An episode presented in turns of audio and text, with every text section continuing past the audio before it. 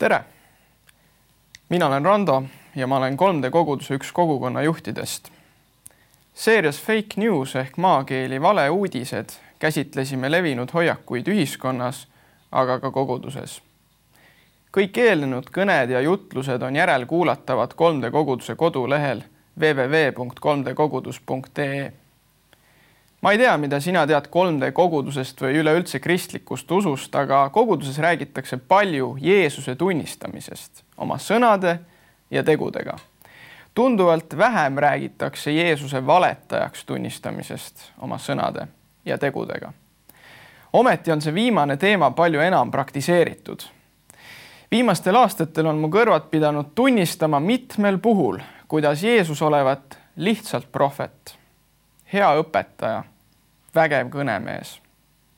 lihtsalt prohvet on Jeesus peamiselt islamiusuliste meelest. hea õpetaja on ta enamike sekularistide meelest üle maailma, aga mitte ainult. toon ühe näite.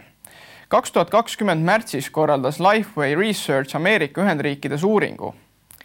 selle põhjal tuli esile, kuidas koguni viiekümne protsendi ameeriklaste hulgas kolmkümmend protsenti sealjuures end evangeelseteks kristlasteks pidavatest pidasid Jeesust ilmalike inimeste moodi lihtsalt heaks õpetajaks.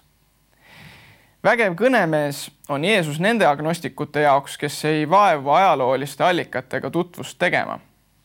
kõigi kolme puhul, kõigi nende kolme määratuse puhul tehakse ka Jeesuse enda sõnad tühiseks ja tunnistatakse võib-olla eneselegi teadmata Jeesus valetajaks kuidas nii? Jeesus pole kunagi end lihtsalt prohveti ega ainuüksi hea õpetajana esitlenud. käsitlen tänast teemat läbi kahe tõsiasja.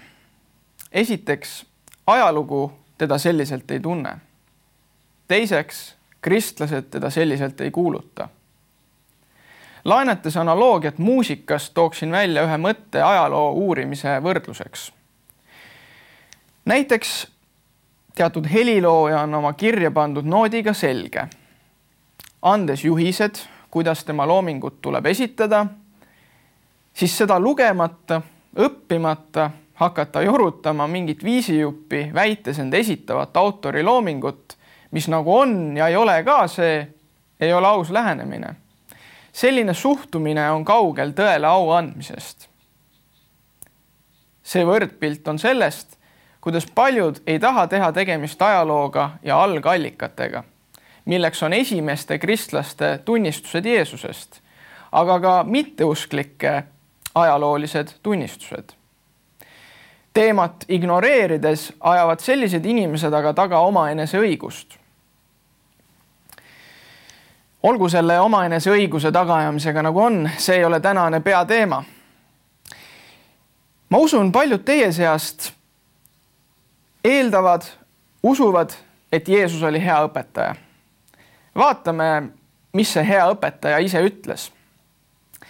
Jeesus väitis lugematul hulgal viisidel, kuidas tema sõnad on igavesed ja kuidas tema ise on igavene. näiteks oma sõnade igavikulisuse kohta lausus hea õpetaja järgmiselt. taevas ja maa hävivad, aga minu sõnad ei hävi Markuse kolmeteistkümnes peatükk, kolmekümne esimene salm. kes lükkab minu kõrvale ega võta vastu mu kõnet, sellel on juba kohtumõistja. sõna, mis ma olen rääkinud, see mõistab tema üle kohut viimsel päeval, sest mina ei ole rääkinud iseenesest, vaid isa, kes on minu saatnud, on andnud mulle käsu, mida ma pean ütlema ja mida ma pean rääkima. ja ma tean, et tema käsk on igavene elu mida mina räägin, seda ma räägin nõnda, nagu isa on mulle öelnud. Johannese evangeeliumi kaheteistkümnes peatükk, salmid nelikümmend kaheksa kuni viiskümmend. Need ütlused kätkevad nii nende sõnade endi ajaülesust kui kõikide aegade sees kõige kõrgema autoriteedina säilimist. praegu ei ole ma väitnud, et Jeesuse sõnad on üldse tõesed. tõin vaid välja sõnad, mida hea õpetaja on ise öelnud Jeesus väitis omaenda igavikulise olemasolu kohta korduvalt ärritavaid asju. viited, mida ta tegi, olid pea kõigile kuulajatele üle mõistuse. näiteks olles debateerimas variseridega, toonaste pühakirja õpetlastega jõudis ta momenti, kus lausus. tõesti, tõesti, ma ütlen teile, enne kui Abraham sündis, olen mina. Johannese evangeeliumi kaheksas peatükk, viiekümne kaheksas salm. siin kasutas Jeesus keelt, mis oli omane vaid Jumalale endale. nii rääkis Jahve, kui ta oma rahva poole Vanas Testamendis pöördus. Vana-Kreeka keeles ego ei mi tähistab piiblis olemist, igavest olemist. nagu ma ütlesin, keeleliselt sama mõttega pöördus Vanas Testamendis Jahve oma rahva poole. ja oma teenistustöö vältel aga Jeesus ei vältinud pühaduse teotuse hirmus sellist mõistet ja keelt. vastupidi. lugedes kaheksandast peatükist Johannese evangeeliumis veidi edasi, jõuame Jeesuse kuulutuse keskmeni, kus hea õpetaja lausub. mina ja isa oleme üks. Johannese evangeeliumi kümnes peatükk, kolmekümnes salm muidugi ei tähenda need mõne jaoks utoopiasse paigutuvad väited, et need on tõesed. kui mina väidaksin täna teile, mina olen Jumal siis kas te oleksite selles kohe veendunud? pigem vastupidi. aga vaatame, kelleks pidasid Jeesust tema enda lähimad järgijad ehk õpilased. Natsareetlane Jeesus, kellest ma juba pikemat aega olen rääkinud, küsis kord oma kõige lähedasematelt järgijatelt. Kelle teie ütlete minu olevat? jüngrid eesotsas Peetrusega vastasid loen järgnevalt Matteuse evangeeliumi kuueteistkümnenda peatüki salmid kuusteist ja seitseteist. Siimon Peetrus kostis, sina oled Messias, elava Jumala poeg. Jeesus vastas talle, sa oled õnnis, Siimon, Joona poeg, sest seda ei ole sulle ilmutanud liha ja veri, vaid minu isa, kes on taevas. Just Peetruse moodi kuulutavad teda issandaks kõik kristlased ajalooliselt on oluline välja tuua just esimesed kristlased. sest tuleb tõdeda, et tänases maailmas luusib inimmõtetes ringi arrogantsus. see arvab kakskümmend üks sajandit hiljem Jeesuse kohta stiilis. vot nüüd mina tean, mis on kristlus ja kes Jeesus oli. kuigi on hullematki on olemas ka hoiak, mis ei tunnista näiteks, et Jeesus natsaretlane olemaski oli sellise vaimsuse nimeks paneksin ignorantsus. see mõtleb, kuidas peaasi on, et saaks ajaloo uurimisest kõrvale hoidudes elada edasi omaenese õiguses. olgu öeldud, et Jeesuse viidatud liha ja veri ehk inimene ei tegelegi enamasti tõe taotlusega, vaid just nimelt omaenese õiguse püstitamise ja kaitsmisega. selle viimase kohta pean tõdema et ka mina olen lihtsalt liha ja veri, tavaline inimene. olen mees, kes suure osa oma elust ei ole tegelenud tõe taotlusega. olen tegelenud omaenese õiguse püstitamise ja kaitsmisega. puutusin teadlikult esimest korda kristlastega kokku aastal kaks tuhat kaheksa ja sealt edasi kuulsin ma endale arusaadaval moel ka evangeeliumi, sõnumit Jeesusest. ma proovisin aastaid omal jõul paranemist, leida tuge mõttetööst, hea inimlikkuse musternäidiste jäljendamisest. pidasin Jeesustki lihtsalt üheks neist hea inimlikkuse musternäidiseks, heaks õpetajaks. Toona tahtsin äh, pastor Jakobile teha selgeks, kes mulle esimest korda ajaloolisi tõendeid Jeesuse kohta jagas, et häid teeotsi, häid selliseid vaimseid teejuhte, teeotsi on kaugelt rohkem kui üks nii ma siis looklesin ühest äärmusest teise. ühel õhtul mõne neiuga kerge teejook või filmiõhtu. vaatamata kõigele, kuigi see läbielatu tugevdas mind paradoksaalsel kombel, olin hingeliselt ikka tühi. mida enam julgesin end suunata fundamentaalset tõde otsima ja vaatama emotsioonidel põhinevatest kullaläikega maalitud valepiltidest üle ning viimaks õppides küsima tegevustelt ja elult üldse, mille nimel olin jõudmas kristlusele ehk küsimusele, kelle nimel üha lähemale. oli aasta kaks tuhat kolmteist, kui alustasin Kaitseväe asendusteenistust MTÜ-s Iseseisev elu. nimetaksin seda perioodi enda elus läbimurdeaastaks. kui olin Uue Testamendiga juba veidi lähemalt tuttav, sain hästi aru, et mul ei ole võimalik nii-öelda käärid käes Jeesust lugeda. käärid käes Jeesuse lugemine tähendab seda, et võetakse Uus Testament ja jäetakse kõik uskumatuna tunduv välja ja eraldatakse sealt parasjagu tunnetusele vastuvõetav õpetus. näiteks lähimas ajaloos talitas äh, Thomas Jefferson nõndaviisi, kuid lugemal äh,, lugematul hulgal omaenese õiguses inimesi on seda teinud ka varem, palju varem ja pärast teda. Johannese evangeeliumi neljateistkümnendas peatükis ma muideks tsiteerisin seda salmi ka oma ristimispäeval aastal kaks tuhat neliteist, on üks rabav salm. Jeesus ütles talle, mina olen tee, tõde ja elu. ükski ei saa minna isa juurde muidu kui minu kaudu. just selle salmiga, mida ma peast tsiteerisin, kus Jeesus väidab, et tema on absoluutne tee, tema on absoluutne tõde ja tema on absoluutne elu tahaksingi liikuda oma tunnistusest tagasi veel sügavamale ajalukku. üks levinud väärarusaamu, et Jeesuse nimi oli Jeesus Kristus. toonases kultuuriruumis aga ei pandudki perenimesid.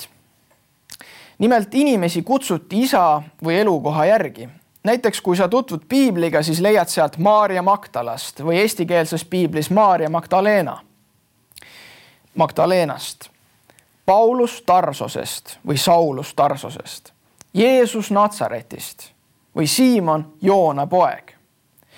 Kristus tähistab hoopis tiitlit.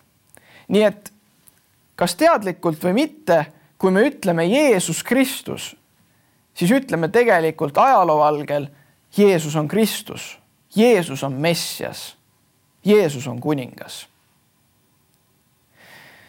Jeesuse teenimistöö lõpus, kui ta oli ülekuulamisel kohtukojas ja toonase võimukandja ees, sündis üks dialoog.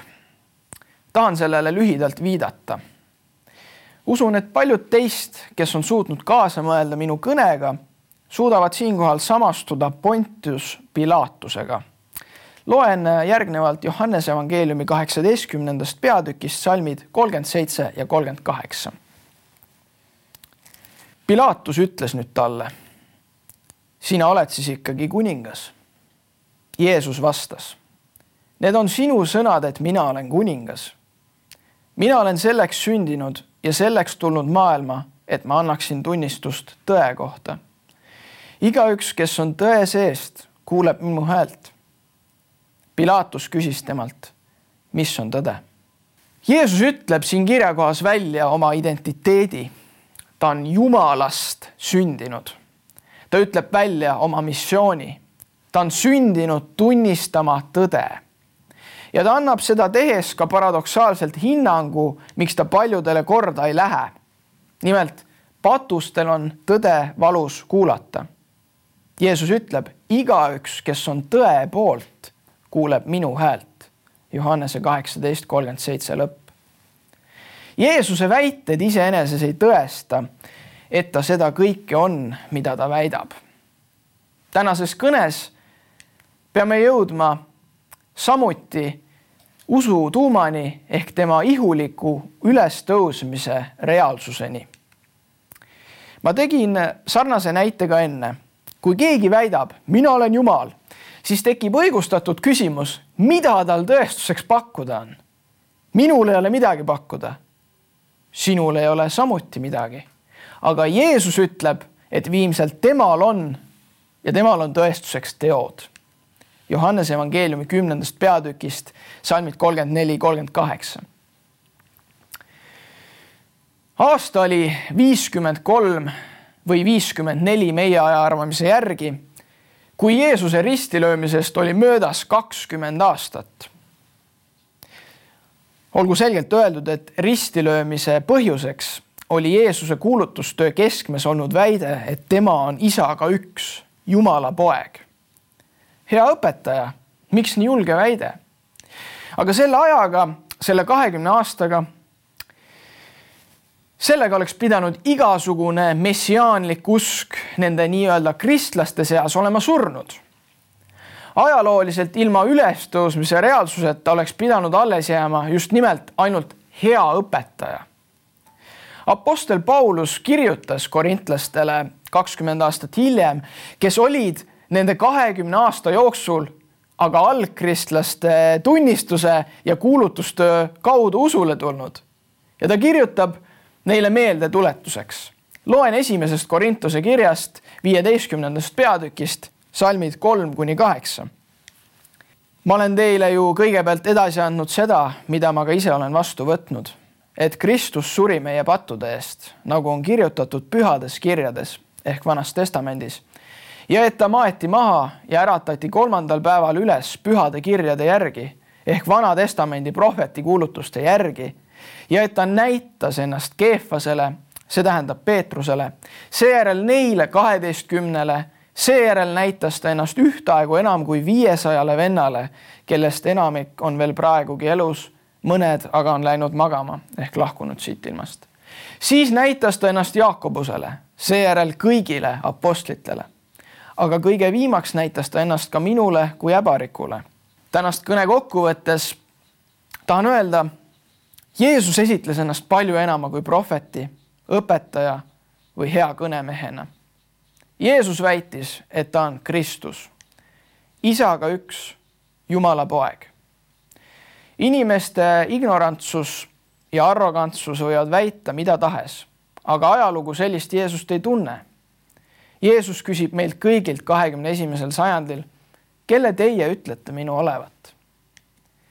Sellele küsimusele vastamine mõjutab inimese jaoks kõike.